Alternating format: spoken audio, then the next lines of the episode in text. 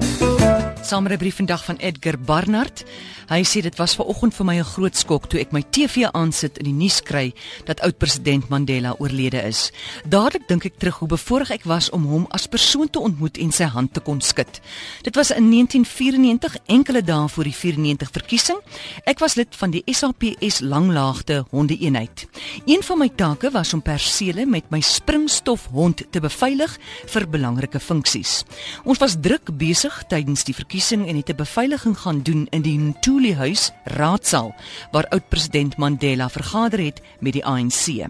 Na die beveiliging het ek en my kollega Jaco Els met die huisbak afgegaan na die grondvloer.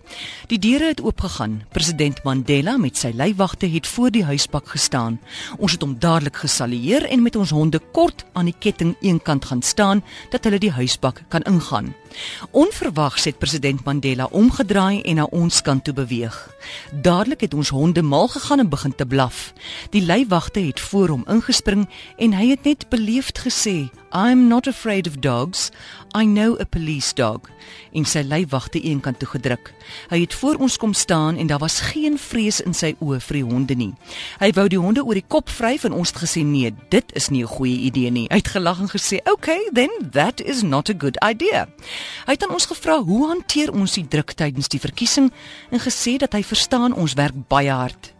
President Mandela se woorde aan ons kan ek soos daglig onthou. Hy het gesê, "I appreciate the work that you and the SAPS do." During this difficult time.